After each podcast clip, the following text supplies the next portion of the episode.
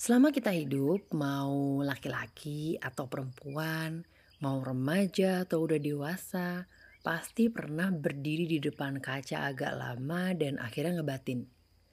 Ya Allah, kenapa aku nggak good looking ya? Atau, Ya Allah, kenapa mukaku atau badanku tuh gini amat ya? selain itu kita pasti juga pernah lihat orang lain, entah itu artis, ah, model, cewek atau cowok paling populer dulu di SMP atau SMA. Bahkan mungkin random people that we see on the street or uh, in the mall dan bikin kita ngebatin, Ih, cakep banget ya tuh orang. Coba aja kalau kulitku atau rambutku atau hidungku kayak dia. Pasti aku good looking. Beberapa hari yang lalu, aku dan partner diskusi Manda, kita ngobrol tentang hal ini. Berawal dari salah satu akun yang uh, kita sama-sama follow, yang punya akun ini akhirnya ngadain acara tunangan gitulah dengan no make up make up look. Bahkan hampir kayak nggak pakai make up gitu saking flawlessnya.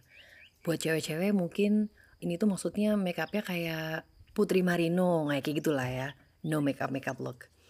Nah, Manda tuh bilang kalau si empunya akun ini wajar pakai no makeup makeup look atau bahkan kalau aku nih mau ikutan kayak gitu waktu nanti akad juga wajar. Dia bilang, Ya kalian bisa lah kayak gitu. Wong kalian ini kan cantik. Lah kalau aku ya nggak bisa kayak gitu. kejadian ini tuh bukan sekali dua kali aja ya, tapi beberapa kali. Manda keeps telling me that I'm good looking while she's not. Awalnya nggak terlalu aku tanggepin, tapi lama-lama kan aku rasa ada yang tak kena atau tak betul nih dengan pikiran kawanku seorang tuh. So, macam ni. I had my share of insecurity too. Di monolog pas-pasan kemarin, aku sempat share tentang yaitu aku yang ngerasa muka aku ini pas-pasan, malah cenderung ke nggak cantik. I had a lot of reason to feel so. Tinggiku yang agak di atas rata-rata sejak SD bikin aku jadi stand out, but not in a good way. In a freaky way. Karena waktu itu perempuan yang tinggi atau jangkung tuh dianggap aneh karena nggak seharusnya perempuan lebih tinggi dari kebanyakan laki-laki. Beranjak remaja, aku mulai insecure sama rambutku yang keriting. Bukan keriting curly-curly ala Instagram gitu ya yang bagus, tapi keriting kayak singa. Karena waktu itu yang cantik adalah yang rambutnya lurus, smooth, papan gitu. Nah pas kuliah, mulai insecure sama alis yang agak tebel. Karena waktu itu yang cantik adalah yang alisnya tipis nyelirit gitu kalau orang Jawa bilang. Apalagi pas kenal sama yang namanya make up. Beh, paling anti ke mall bare face atau nggak pakai make up tuh. Rasanya kayak jelek aja gitu, pucet. Kantong mata, terus belum lagi ada spot-spot merah bekas jerawat. Karena waktu itu yang cantik adalah yang mukanya flawless dan bibirnya merah merona. See, my life was full of insecurities too. Aku nggak ngerasa cantik dan aku nggak pernah ngerasa cantik. Sampai suatu hari aku menemukan sebuah tulisan yang bener-bener bikin aku shock dan malu sama apa yang udah aku katakan dan aku harapkan. It goes like this. The next time you feel ugly, remind yourself that Allah took four oaths in the Quran before stating that He created you in the best and most perfect forms. Your Rob declared you the epitome of beauty. How dare you or anyone say otherwise? And allow me to paraphrase it in bahasa Indonesia.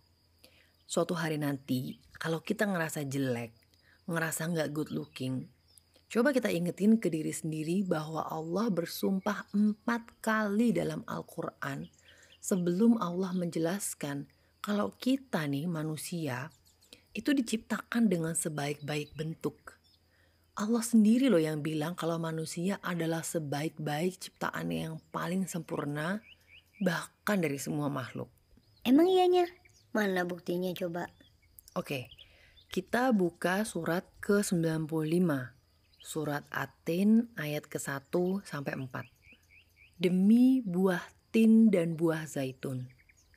Dan demi bukit Sinai dan demi kota ini yang aman, Mekah.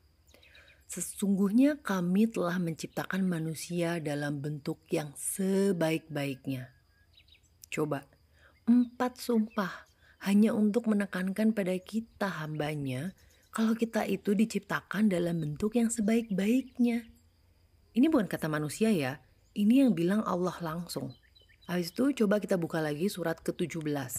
Surat Al-Isra ayat ke-70. Dan sesungguhnya telah kami muliakan anak-anak Adam, kami angkut mereka di daratan dan di lautan. Kami beri mereka rezeki yang baik-baik dan kami lebihkan mereka dengan kelebihan yang sempurna atas kebanyakan makhluk yang telah kami ciptakan. Let that sink in for a while.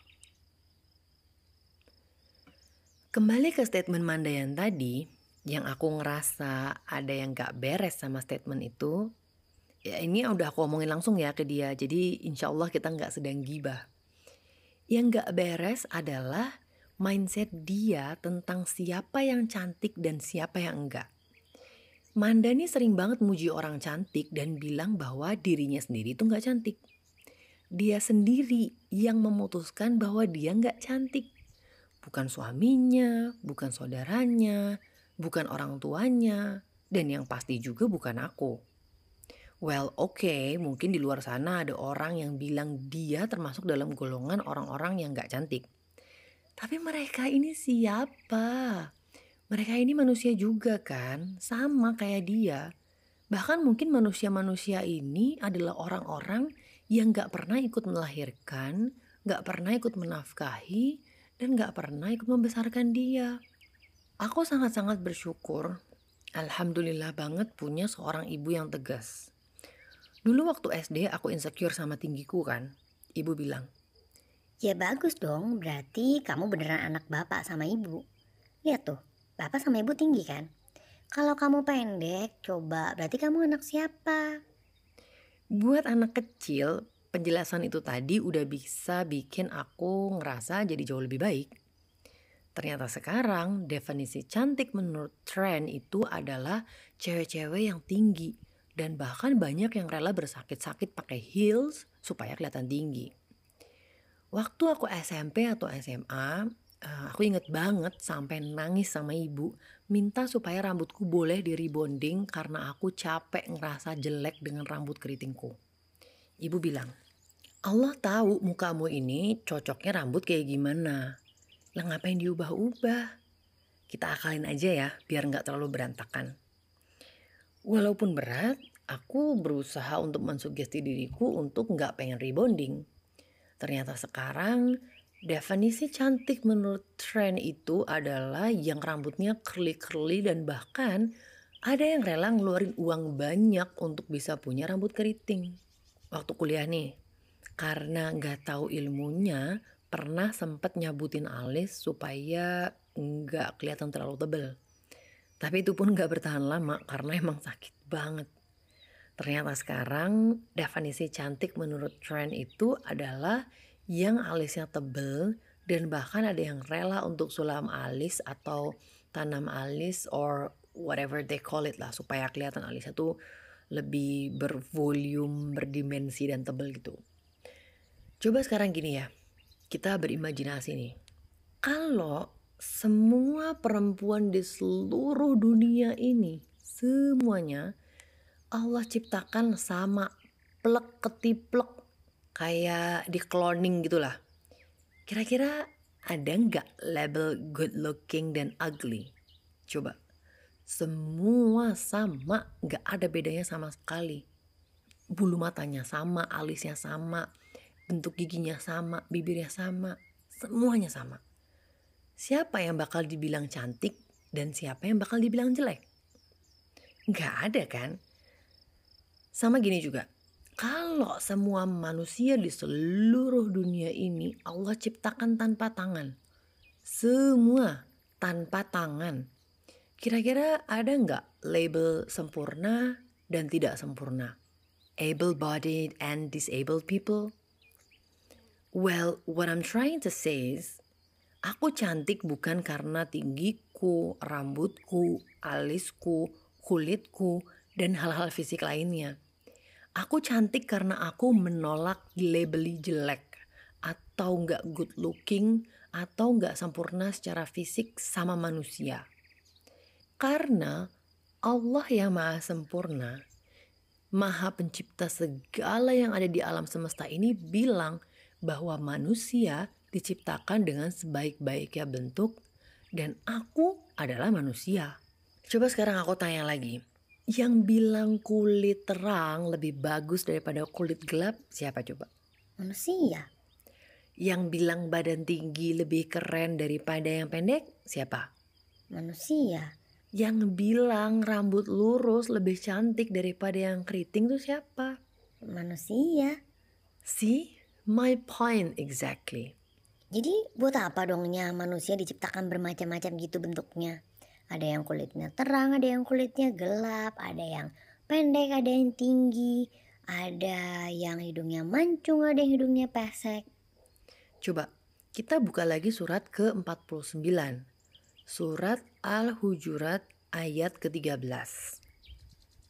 Wahai manusia, sesungguhnya kami menciptakan kamu dari seorang laki-laki dan seorang wanita dan menjadikanmu bersuku-suku dan berbangsa-bangsa agar kamu saling mengenal. Sesungguhnya orang yang paling mulia di antara kamu di sisi Allah adalah orang yang bertakwa. Sesungguhnya Allah mengetahui lagi maha mengenal. Tuh, dijawab lagi sama Allah. Kita diciptakan dengan berbagai macam bentuk itu bukan supaya kita bisa saling melabeli, tapi untuk saling mengenal. Lagi pula, sepengetahuanku yang sangat fakir ilmu ini, Allah tuh nggak pernah mendeskripsikan kecantikan, mendeskripsikan good looking dan kesempurnaan manusia dalam Al-Quran itu secara fisik. Kulit yang kayak apa, hidung yang gimana, tinggi yang seberapa, dan yang lain-lain. Gak ada. Bahkan Allah sering banget kasih peringatan kalau kecantikan dan kesempurnaan fisik itu gak akan kekal. Bisa jadi kita bangun besok pagi itu semua udah hilang. Terus mau apa? Tapi kecantikan dan kesempurnaan itu letaknya ada pada iman, pada takwa, pada kedekatan dengan Allah. Standar Allah itu nggak akan berubah, nggak akan tergerus zaman apalagi ngikutin tren. Dari zaman Nabi Adam alaihissalam sampai nanti kiamat, ya standar kecantikan dan kesempurnaan dalam Islam akan tetap sama. Kalau ada standar yang konstan, gak berubah, cara mendapatkannya gak perlu uang berjuta-juta, nggak perlu kena pisau bedah atau jarum suntik, kenapa kita malah sibuk ikutan yang selalu berubah-ubah dan kadang bahkan butuh uang banyak untuk mendapatkannya? Jadi, next time nih, saat kita berdiri di depan kaca dan mulai mengkritisi bentuk fisik yang Allah karuniakan sejak kita lahir, coba deh langsung istighfar. Karena sebetulnya saat itu kita sedang mengkritisi karya yang maha hebat, yang maha sempurna dan yang maha indah, yaitu Allah Subhanahu wa taala. Gak malu. Emang kita bisa apa? udah bisa menciptakan yang lebih cantik dan lebih sempurna dari yang Allah ciptakan gitu.